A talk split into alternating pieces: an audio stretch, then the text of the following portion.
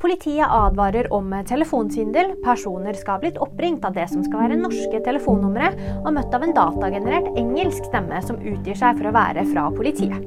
Legg på 'dette er et forsøk på svindel', skriver politiet i Øst på Facebook. Apple-gründer til sykehus Steve Wozniak skulle onsdag delta på et forretningsforum i Mexico City, men skal ha blitt innlagt etter å ha besvimt, ifølge CNN. Flere meksikanske aviser beskriver tilstanden hans som stabil.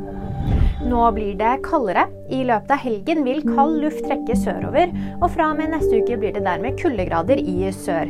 Det skriver Meteorologisk institutt på X. De melder også at det blir en del regn inn i helgen på Sør- og Østlandet. Og husk, nyheter finner du alltid på VG.